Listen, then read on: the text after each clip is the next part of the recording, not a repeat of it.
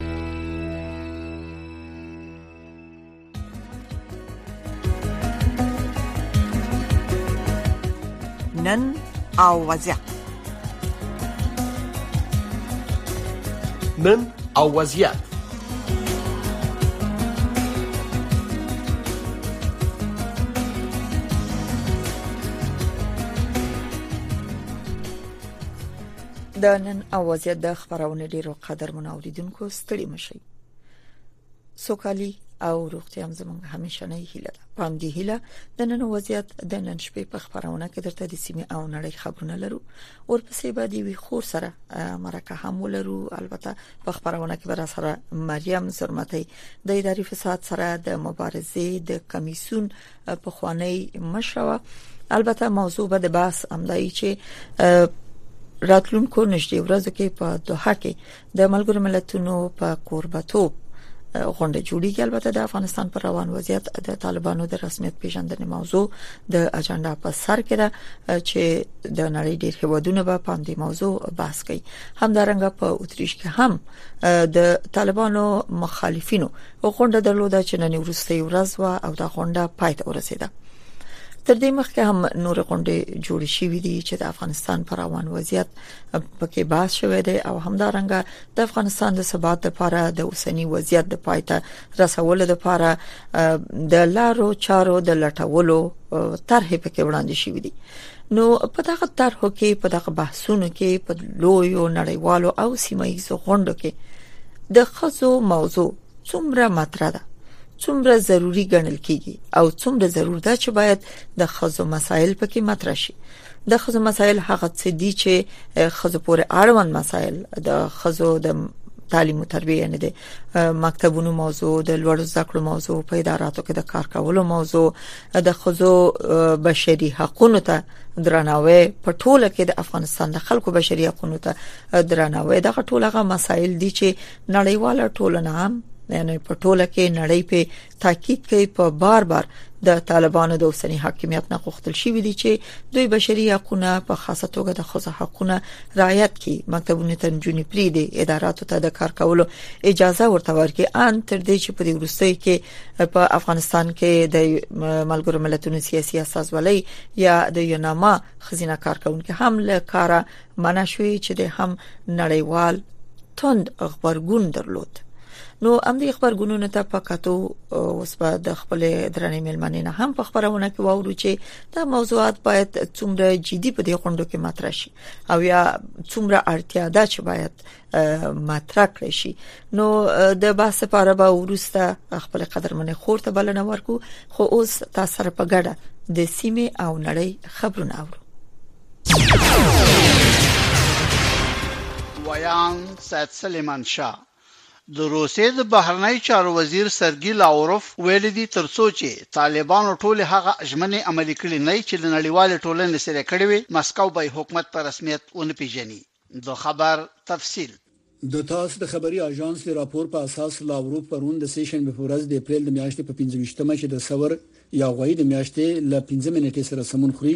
په نیویارک کې خبریالانو ته ویلي چې ماسکو دا ګڼي چې طالبان یو واقعیت دی او لازمه ده چې ورسره خبرې وشي. لاوروف په ټینګار سره وویل ماسکو د طالبانو حکومت پر رسمیت نه پیژني مګر دا چې خپل نړیوالو پیژندل شوی ژمنو ته یعنی د حکومتي بنسټونو ټول شمول کېدل نه یوازې د قومي مفهوم لمخې بلکې په سیاسي اړخ کې هم عمل وکړي نو موري د خځو او نجونو د حقونو په ګډون بشري حقونو ته درناوی د طالبانو د حکومت رسمیت پیژندلو لپاره د نړیوال ټولنې د نورو معیارونو په توګه یاد کړی دی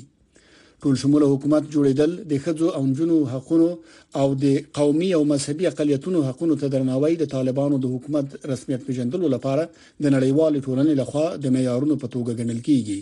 غورځنګ د امریکا غږ واشنگټن همدا راز په افغانستان کې د خځو او جنو او د بشري حقوقو لپاره د امریکا د بهرنۍ چارو د وزارت استازې رینا امیري د سه شنبې پر ورځ وویل ترڅو چې د طالبانو حکومت د بشري حقوقو درناوی ونه کړي، متحده ایالات به ورسره رسمي اړیکې ټینګې نه کړي. تاسو زموږ غږ له واشنګټن نه اورئ. د ملګرو ملتونو عمومي منشي انټونیو ګوټرېش ترکی ډیپلومات فریډون سینډریلي اوغلو د افغانستان د چارو لپاره د خپل ځانګړي کوارډینېټر او خپلواک مفتش په توګه ټاکلی دی. د ملګرو ملتونو د سرمنشي دفتر پرون د سې شنبې په ورځ د اپریل په پنځه مه چې د غوایي پنځمه کیږي د یو خبرلیک په خبرولو سره ویلي دي چې د سینریلي اوغلو ټاکل د دغه سازمان د امنیت د شورا د دوه زره شپږ سوه نهه اویا لمبر پریکړې پر بنسټ ترسره شوي دي. په عین وخت کې د افغانستان لپاره د امریکا پخواني استازي زلمي خلیلزاد د ملګرو ملتونو د سرمنشي له خوا د افغانستان لپاره د خپل خاص کوارډینیټر په توګه د دغه سابقه دار ترکي ډیپلومات د ټاکلو هرکلی وکړ. خلیلزاد په یو بیان کې چې نن د چهارشنبې په ورځ یې د ټویټر له لارې خپور کړ، د دوحه د توافقنامې پر عملي کولو تاکید وکړ. په ملګرو ملتونو کې د افغانستان د دایمي استازولۍ سرپرست نصیر احمد فایق هم د ملګرو ملتونو د سرمنشي له خوا د افغانستان لپاره د ځانګړي کوارډینیټر د ټاکلو هرکلی کړی دی. د تاس خبري اژانس د افغانستان لپاره د روسیې د جمهور رئیس ولادیمیر پوتین د ځانګړي استازي ضمیر کابلوف له قوله خبر ورکړی چې د مې په لومړۍ به په دوحه کې د ځانګړو استازو په غونډه کې چې د ملګرو ملتونو په بلنه جوړیږي ګډون وکړي. له بل پلوه په واشنګټن کې د امریکا د بهرنیو چارو د وزارت د ویاند مرستیال ویدانت پاټیل د غوایي په پنځمه یو ځلې بیا په دې ټینګار وکړ چې د طالبانو د سرپرست حکومت په رسمیت پېژندل به د دوحه په غونډه کې د نوموړي په وینا په بشپړه توګه له بحث نه بهري. د افغانستان د معزول شوي حکومت د پوځ پخواني قوماندان جنرال سمیع سادات ادعا کړې چې د طالبانو له خوا د داعش د خراسان څانګې د لوړپوړي غړي عبدالله عمر باجوړي د وژلو خبر ناسم دی.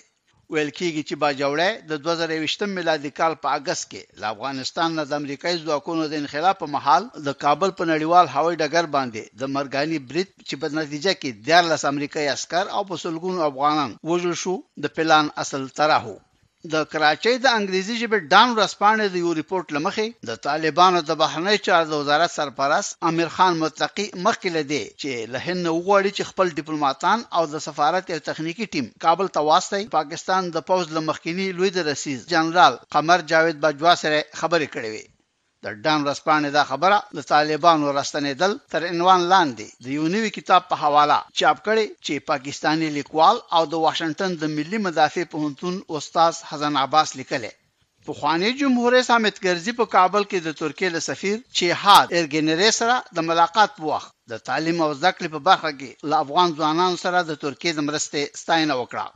د افغانستان، سیمې او نړۍ خبرونه له امریکا غږ واشنګټن نه اورئ. پس له څو اونیو انتظار وروسته جمهور رئیس جو بایډن بالاخره د سې شنبې په ورځ د اپریل په پنځه ویشت مه د متحده ایالاتو د دوه زره څلوېښت میلادي کال د جمهوري ریاست د انتخاباتو لپاره خپله کاندیدي اعلان کړه. اتیا کلن بایډن که انتخابات وګټل نو د خپلې دویمې څلور کلنې دورې په پای کې به شپږ اتیا کلن وي چې په دې حساب د امریکا د ټولو پخوانیو جمهور ریسانو په جمله کې به د زیات عمر خاوند جمهور ریس وي. ملګرو ملتونو په سوډان کې د دوامداره تشدد او د کمزوري اوربند د ماتېدو له امله له هغه عربي هېواد نه د کډوالو د ډله ییز بهیر خبرداری ورکړی. جمهوررئیس جو بایډن د سې شنبې په ورځ خبرداری ورکړ چې د فدرالي حکومت د پورونو د قانوني حد د لوړولو لپاره به د استازو د مجلس مسوده ویټو کړي. د ترکیې پولیسو د سې شنبې په ورځ یو سل او شپږ ویشت کردي فعالان، خبریالان او وکیلان په داسې حال کې ونیول چې ټاکل شوې په درې اوونیو کې د جمهوري ریاست انتخابات پیل شي. سعودي عربستان د سې شنبې په ورځ د اپریل په پنځه ویشت مه وویل چې د میفیټامین د نشه اورو موادو څه کم دیارلس میلیونه ټابلیټونه چې د انارو د میوې په بار کې پټ شي ونیول اسرائیل پرون د سه شنبه پر ورځ د خپل جوړېدو 15مه کلیزه په داسې حال کې ولمنځله چې د څارونکو په باور په منځني ختیځ کې د ایران نفوذ مخ پر زیاتېدو دی او ممکن چې له څو جبهاتو نه د اسرائیل موجودیت له ګواښ سره مخامخ کړي د وال سټریټ ژورنال ورځپاڼې خبر ورکړی چې ایران روسیې ته درې سوه زره فایره توپچي ګولۍ او یو میلیون فایره مهمات استولي دي. جمهوررئیس جو بایډن او مېرمن جېل بایډن نن د چهارشنبې په ماښام د کوریا د جمهوررئیس یون سوګ یول او د هغه د مېرمنې کېم کیون هي په ویاړ مېلمستیا ورکوي. له بایډن سره به د شمالي کوریا د نظامي او اټومي ګواښ د دفع کولو په اړه وغږېږي. د خبرونو پای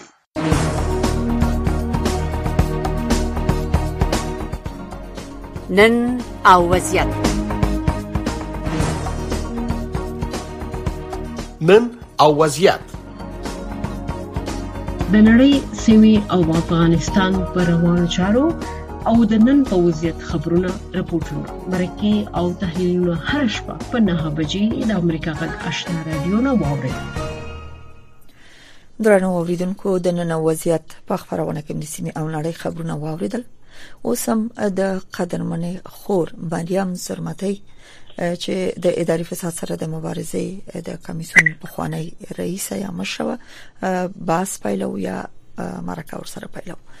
مریم جان ستړي مشه خبرونه ته سلامونه او نیکی له درنې نوشابه جانې اله د ستاسو مروغو جوړ اوسئ دا یو موضوع به زه تصحیح کوم زه د فساد سره د مبارزې د کمیسیون غړې وم غړې ښه مننه مننه کمشنر یو کمشنر یو bale خامه مشر ویل خو هغه کمشنر ډیره مننه د تاسو نه مریم جان تاسو په جریان کې استئ په نږدې راتلونکو کې په دوحه کې د ملګرو ملتونو په کوربتوب یو غونډه جوړیږي البته د طالبانو د رسمیت پیژندلو موضوع په سر کې د اجنډا د افغانستان پر روان وضعیت به هم بحث کیږي همزمان اور سره په اتریش کې د طالبانو د مخالفینو غونډه نن پای ته ورسیده چې درې ورځې د غونډې هم دوام درلود تر دې مخکې هم ډېرې غونډې د افغانستان پر روان وضعیت شوې دي البته امنیتي وضعیت تر بحث لاندې نیول شوې ده د سیمه هیوادونو سره د طالبانو تعامل د نړۍ سره د طالبانو د تعامل موضوع ذکر شوې ده طالبان بار بار بیا هم د رسمیت پیژندلو خواست کوي خو نړۍ غوښتنې به نور دي د بشري حقوقو د رعایت خزو ته د حقوقو د قایلیدو چې په هغه سر کې د جنو د شپږم ټولګي نه پورته د مکتب د لوړو زده کړو په اداراتو کې د دوی د کار کولو دغه موضوعات دي او په ټوله کې په افغانستان کې د بشري حقوقو رعایت د پخوانی مامورینو پوځیانو نشکنجه کول دا ټول هغه مسایل دي چې مطرح شوي دي خو اوس په دې ورستیو کانفرنسونو او غونډو کې ستاسو په نظر خزه باید څومره مطرح شي څومره اړتیا شته دی چې دغه موضوع چې بار بار په نړۍ تاکید کوي په دې مهمو غونډو کې چې د نړۍ مشران پکې راټولېږي په جدي توګه مطرح شي څومره اړتیا شته ډیره مننه ډیر ښه موضوع ته مو اشاره وکړه په یو ټولنه کې نارینه او ښځې د ټولنې اساسي ارکان دي او په ټولنه په اجتماعي ژوند کې کله چې نارینه او ښځې بغیر یو د بل نه نشي کولای ژوند وکړي فعالاعظم په سیاسي ډګر کې هم عین وضعیت روان دی او په اسلامي اساساتو هم کو چرته وګورو د خځو د نارینه برابرۍ اسلام په ډیرو مواردو کې مطرح کړی دا او په دې مواردو باندې سړو ته ډیر زیات مسولیتونه د خځو په وړاندې ورکړي دي ولې تر څنګ یې د ښځو لپاره یې ډیر زیات شرعي حقوق الله تعالی په خپل ورکړي دي چې دغه جملې نه د کار حق ده د تعلیم حق ده د ژوند د ملګری د انتخاب حق ده د هغه ټول حیاتي مسایل چې د انسان ژوند پیغه باندې په مخ دي الله تعالی خځو ته او نارینه ته دواړو ته برابر حق ورکړي ده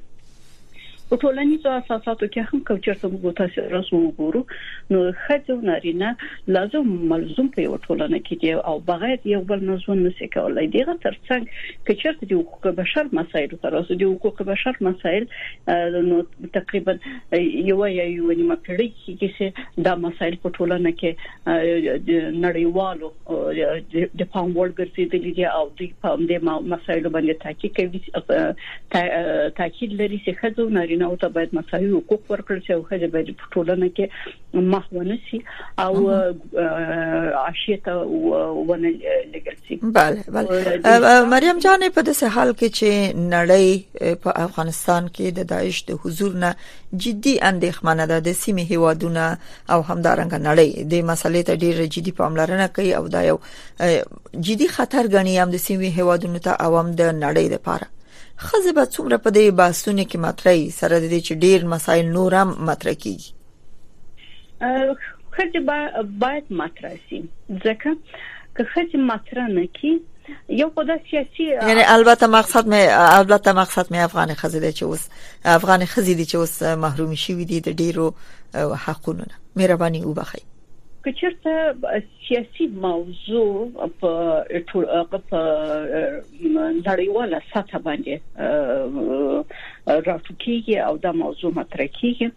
نو دا به د نړیوالو لپاره د شرم مسئله وي، د ننګ مسئله به وي چې د ټولنې یو مهم رکن چې ښځه ده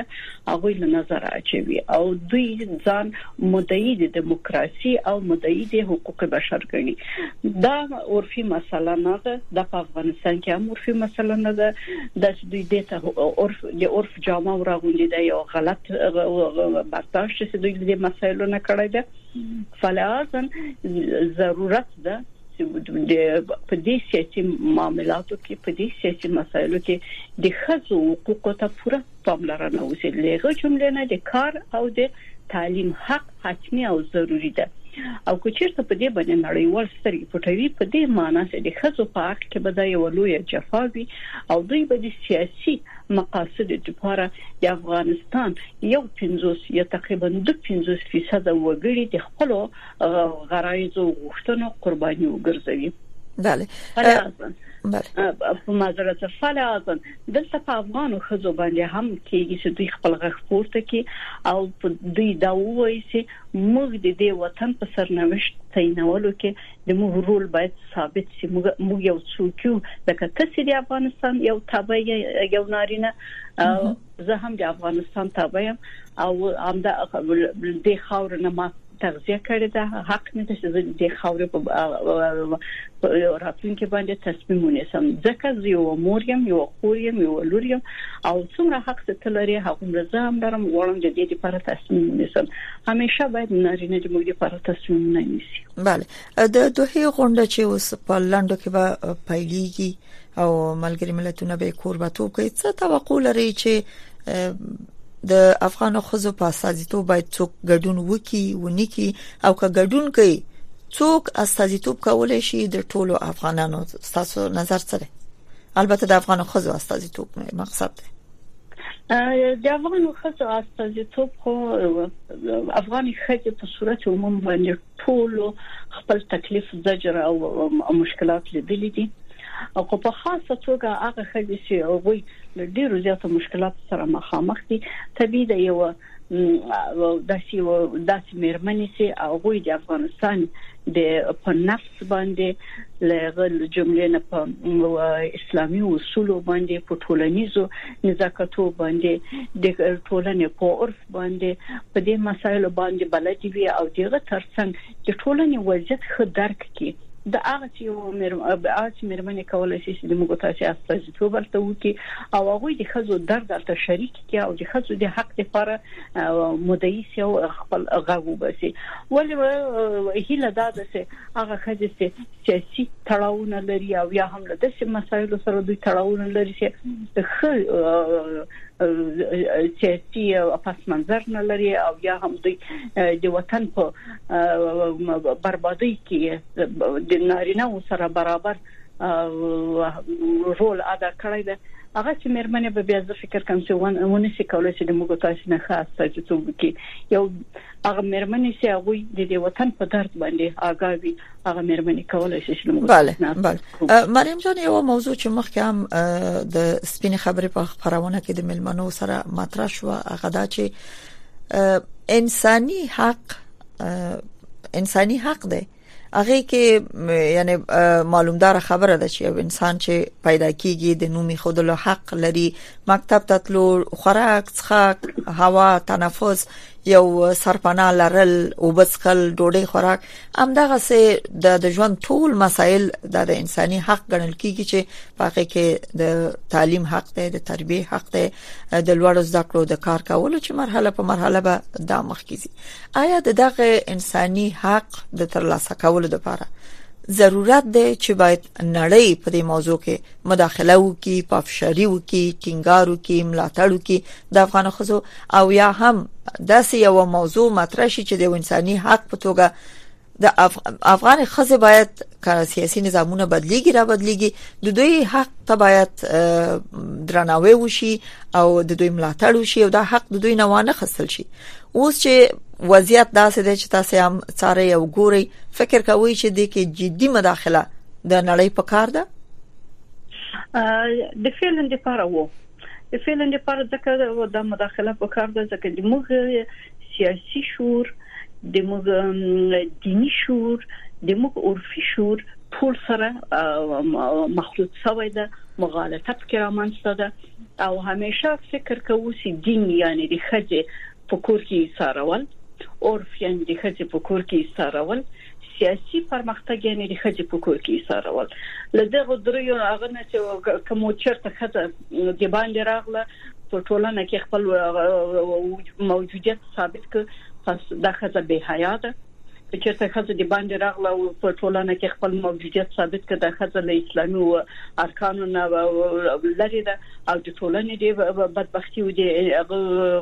فحاشي سبب کیږي که چېرته یو خزه په ټولنه کې راغله او هغه په سیاسي مسایلو باندې تصمیم ونیو مخته به څه شي او دغه تصمیم نیول به څه شي او موږ په خطر سينوڅو فلازن د فعلن د پاره د موږ په ټولنه کې هغه عمومي برداشت لا ډیر ضعیف دی د دې لپاره چې دوی خزر له ځان سره برابر او مساوي د خدای پاک خلقت وګڼي او فکر وکړي چې لکه څنګه چې یو نارینه خدای پاک هست کړی ده همدغسې برابره ښځه ورسره هست کړی ده او ښځې ته یې حقوق ورکړي دي لکه څرنګه چې نارینه ته حقوق ورکړي دي او دواړو ته چې پخت برابري حقوق ورکړي دي ویلي دي چې تاسو دواړه کولای شئ چې د ځمکه او اسمانونه مې د تاسو د تسخير لپاره هست کړی دي ګټه ترې نه واخلي تنه نارینه ته نه دی ویلي فعل اعظم صرف د کورنۍ په ځوان کې یعنی د خځې او د میړه په ځوان کې یې میړه ته میړه یې قائم مقرر کړی دا هغه هم د دې لپاره چې له خځې نه او له اولادونه هغه وکي ښه پرستاري وکي او وې ساتي او خځې ته مسولیت ورکړي چې د کورنۍ د ځوان لپاره هڅه وکړي چې ښه اولاد تربیه کړي ولې په ټولنیز اصل کې دا نه جوړ شوي چې د ټولنې په برخه کې ته نشې کولای چې سیاسي مشارکت وکړي، ته نشې کولای چې تجارت وکړي، ته نشې کولای چې کار وکړي، ته نشې کولای چې تحصیل وکړي، یعنی هیڅ نوع محدودیتونه نشته، ولې موږ هغه د موږ کور ذهن مسایل چې دي چې یا عرفي مسایل چې په موږ باندې حاکم دي یا متاسفانه متاسفانه چې په موږ باندې دا د شریعت تر لفافه لاندې غوړي تحمیل کړي چې ښځې باید داسې وي ښځې اصلا دغه تور ایجاب دغه مخ پټول چې دغه ښځو باندې تحمیل کړي ده د دې ښځو اسلامي حجاب نه ده د خځو اسلامي ایجاب د عورت نه ده یعنی د خځې مخ عورت نه ده د خځې لاسونه عورت نه دي د خځې پښې عورت نه دي هیڅ څوک په دې مکلف نه دي چې ښځه په یو تور هغه بوجي کې واچوي او ته ورته ورته وایي چې ته باید دغه څه ووسېږي هغه د ټولنې د بله د یو بل هواد فرهنګ په تعمیل کې چې ته باید دا باید حتمان تحمیلی دا شی باید واغوندي مریم جان څه فکر کوي تاسو د پلوي هستي چې باید د افغانستان اوسنی شرایط ته پکاتو بهرنیان باید مداخله وکړي نه په دې نړیوالو کانفرنسونو او ناستو کې اتمن باید د خزو د حقونو موضوع د مکتب او په اداراتو کې د کار کولو چې د دوی خپل حق د انساني حق دی په دې باید باسو شي او د کې اړتیا ده چې نړیوال باید مداخله وکړي څومره به دغه مداخله موثره وي دا مداخله په ډیره زیاته ما سره یې ځکه دا هم روابط آیا نه هادینه کېدې شي ځکه افغانستان خزه په اقتصادي لحاظ ضعیف دي اقتصادي بسیاینه ته دوی ضرورت لري د تعلیم او تربیه په برخه کې د مکتبونو قلم کتابچه کتابونه ډیر مسایل دي نور چې باس وړ ډیر وغځيږي وخت کم دی ډیرو مسایلو ته ضرورت لري چې نړۍ ملاتړ وکړي اما د ملاتړ څرنګواله فرق لري خو کدلته خزه ته د بشر په سترګه قایلیدل د نړۍ د خوانه فورس شي یا جبر شي یا د نړۍ په خوخه په افغانانو تحمیل شي فکر کوي چې د وخت په تیریدو د نظام په بدلیدو دا بیا هم د سه باسبات پاتې کېدې شي اول خو ضرورت دا ده چې نړۍ له خصو سره وتري کی نړۍ خځه له افغانو خځو سره وتري کی ځکه چې چیرته اوس موږ تاسو پرتله کو د افغان خځه د ډیر څو کالو مخکې خځنه دي چې په پټه خپل باندې فوشي نور باندې تحمیلول او د وس کومل د نن ښځې ډیر زیات بدلون کړی تغییر یې کړی تغییر یې د څه شي نه وو د تعلیم او د سواد د زمينو مساعده درول اگر چې شل تیر شل کاله د خزو د پاره څومره امکانات ول سم ونه کاریدل ونه کاریدل متاسفانه مو ډیر زیات خې لا سرولنې به مو درلودي که چیرته هغه منابع ډیرې ښې کارول شوی وای ولې بیا یې هم له نظر نه سو چولای بنا ډیر زیات مثبت تغیرات راغلي دي اوس هم که چیرته نړیوال غواړي چې له په افغانستان کې ثبات او سوله راشي اول خو په افغانستان کې د ثبات او سوله د دماغ پر په دې سه د سیاسي مسایل دي زیات په سیاسي بحث باندې بینوسو خو د فعلا لپاره د خځو نه باید د هم ملاتړ وکړي او د خځو د تحصیل تعلیم بله. کار او پرمختګ مسائل باید په سره کرخه باندې د طالبانو لپاره شرط کی بله مریم جان د خبرونه ورسته شي بي دي ام دغه مسایل ته څو نقطو ته چې تاسو اشاره وکړه په څه ډول ملاتړ باید وشي چې ترڅو طالبان هم دې ته قانع شي چې د بشري حق دی د خزو ملاتړي باید د داسې وسه چې اول خو ټول اسلامي مملکتونه هیڅ دغه د غربیان په دې موضوع باندې موږ سره ونه دري چې په خپل شریعت سره موږ سره دريږي مشروط په دې باندې چې اسلامي نړۍ غږ پورته کړي شریعت واضح درته وایي چې د تا حق دی خځه چې ته تحصیل وکې تعلیم وکې ته ټولو اساسي حقوقو څښتنه یې پس خپل حقوق باید برخمن شي دوم دا چې ترڅنګ